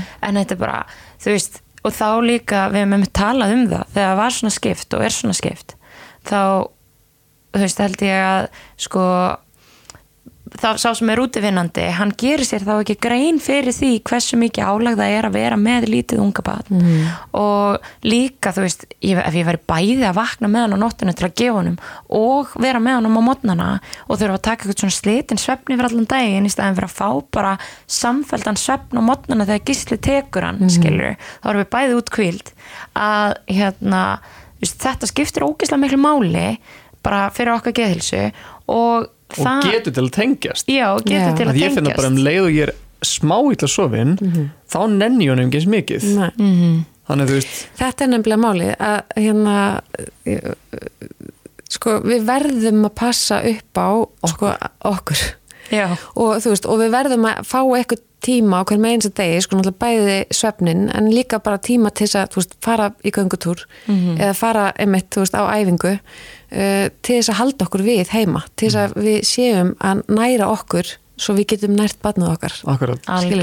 Og það, það á við um báða fóreldra og þetta, ég, ég er svo fegin að þetta sé komið ég heyri þetta alltaf meira og meira að við erum farin að tala um þetta. Þetta bara skiptir máli fyrir tengslamyndun við barnið okkar. Algjörlega. Og það er líka, þú veist, foreldrar sem eru í meira jafnvægi, þú veist, það er búið að rannsaka þetta, foreldrar sem eru í meira jafnvægi eru yfirleitt með værari börn Já, og börnin pikka upp, þau pikku upp hvernig okkur líður. Já, og þegar við erum órug og við erum, þú veist, bara örmagna, þá, þá líður barninu líka bara illa því að finnur að, að umönnalinn sínum líður ekkit vel eða, veist, þannig að þetta er ógæðslega mikilvægt og þetta er bara, þetta er líðhelsumál og maður er bara svona taki ykkur tíma, skilur bara ekki vera að flýta ykkur. Ég segja mikilvægasta fólki í heiminum það eru uh, fóreldra sem er að vona barnið og nýbaka þér. Einmitt, Af því þetta er bara, þetta er fólki sem að sér um og býr til, er að búa til framtíðina. Er að búa til samfélagið okkar, byggja upp sam, einstaklingana og bara þessi tími er svo dýrmætasti fyrir, fyrir bara fram, framtíðar sínin okkar fyrir, fyrir bara, og hagkerfið, ég meina allt saman. Algjörlega. þetta er fólki sem skiptir langmestu máli í öllum heiminum. Og þau ætla að fá sko 50% af öllum útgjöldum hérna hins og opinbera og, og, og atvinnumarkaðarinn sko hérna, en það er, Já. já, þetta er, ég ætla að vana það var einmitt sko, þú veist, við á Íslandi erum svolítið, þú veist, ég ætla alveg að vera ofukona já, já, og það var bók sem ég las sem mig langar að koma fyrir hér sem heitir Newborn Mothers. Og ég hérna mæl með að bara allir lesi hana á fyrsta þriðjungi Mhm. meðgangunar bara til að plana skilur, af því ég ætlaði bara að vera eitthvað að klára klára einhverjar einingar og, og hérna, ég ætlaði ekkert eitthvað að hætta þú veist, Að ég, ætla, ég, ég hugsaði að ég myndi vera að gera eitthvað meira í sængulegunni sko. en svo las ég þessa bók og, hérna, og þar talar hún um þetta er sérst Dúla sem skri- skrifur þessa bók og hún talar um bara við ætlum okkur allt og mikið Mhm. og það hefur áhrif á þú veist bara tenginguna við börnin hefur Mhm. áhrif á brystumölkina hefur áhrif á þú veist bara svo margt Mhm. og hérna og mæður sem að gera of mikið og ætla sér of mikið það er bara, eru líklegri til að fá fæðingatunglindi og bara svona alls konar. Ég eitthvað, ok, heyrðu ég ætla það bara ekki að gera neitt Mhm. en að vera mamma skilur ég fyrstu uh, í, hérna, Það þessa er líka bara full vinna. það er bara full vinna. Og það er vinna. 150% vinna. Já, 150%. á 80% launum. Sjáu ég skekkina þarna líka. Líka bara að vera tvö í þessu. Það er líka bara full vinna Það er- skilur við þannig að vera ein í þessu ég er bara svona ég, bara, ég, ég skil ekki hvernig einstað mæður Mm. fara að þessu og bara full respect Mhm. hérna sko. Ég Já, svona að kallin í vinnunni úti sko. Já, það er kallin að vinna úti og það er bara, þú veist, alveg þannig skipt. Ég er bara svona, vá, veit þetta er bara þú veist, þetta skiptir svo miklu máli. Bara slaka á, þú veist geimi þessa bíaritgerð, þessa mastisritgerð skilur og bara þú veist, það, það er hægt að klára hana hvena sem er, badnið verður ekki alltaf nýpuri skilur, barnið verður bara svona lítið einu sinni og tíminn, hann liður svo hrætt ég meira þess að fundi fyrir því bara oh my god, hann er ekki lengur. Hann er ekki lengur fjögur kíló skilur, hann er ekki lengur þessi pínu pongu litli, þú veist, núna er hann bara fann að halda haus og spjalla og hjala og, það. og þú veist, það er bara stutt í hann einu glappa lengur við. með- svo hann kom með hór og, og fara hann þú veist þetta er bara já, hleyp út um allt sko já, þannig bara að gefa sér tíma Já. og ekki ætla sér of mikið og eigða bara eins miklum tíma með þessi litla gríli Já, þessi tími kemur aldrei aftur. Já, Það það kemur aldrei aftur. Hann kemur aldrei aftur með þessu batni Nei. þú veist, bara þetta er ótrúlega dýrmætur brotættur tími. Mhm. þú veist, með brjóstakju og allt þetta. Þú veist, bara reyna að fara eins útkvíldur með eins vel skrúaðan upplýstan haus. Og maður getur inn í þetta. Mhm. bara það er allavega minn leikill í þessu Það er indislegt að fá ykkur í dag. Takk æðislega fyrir sögun ykkar. Ég hlakka til að fylgjast með ykkur áfram. Ég, hérna, en sjaldan sé ég skoða Instagram, en ég kík alltaf hjá ykkur þegar eitthvað svo, þessi fallega þessi samvera ykkar þryggja. Það er eitthvað svona að dansa og, og hérna Æ, knúsast og kúra saman. Það er alveg til fyrirmynda, menn þykir virkilega vendum að það skildu deila sögunni. Og ég ger ráð fyrir að mögulega hefur einhver samband sem hefur áhuga á um eitt svona heimafæðingum og, og fallegt svona líka. Þú talar um tilfinningar og svona. Ég, ég vona bara að fóreldrar kannski bara hafi samband við ykkur og, Það er hérna- bara endilega. og, alveg endilega. og spyrja út eitthvað námski og svo bækur og eitthvað svona. Ég, ég held að óska þess að ég ætti eitt allt barn eftir svo ég geti byrjað öllum þessum lestri. Já, En hérna, það er bara í, alveg næsta, í velkomin næsta lífi Já, Í næsta lífi. eða bara bennið þín. Eða barnið mín. Takk æðislega fyrir komuna í dag að fá og, og takk fyrir að hlusta. Já, takk æðislega fyrir okkur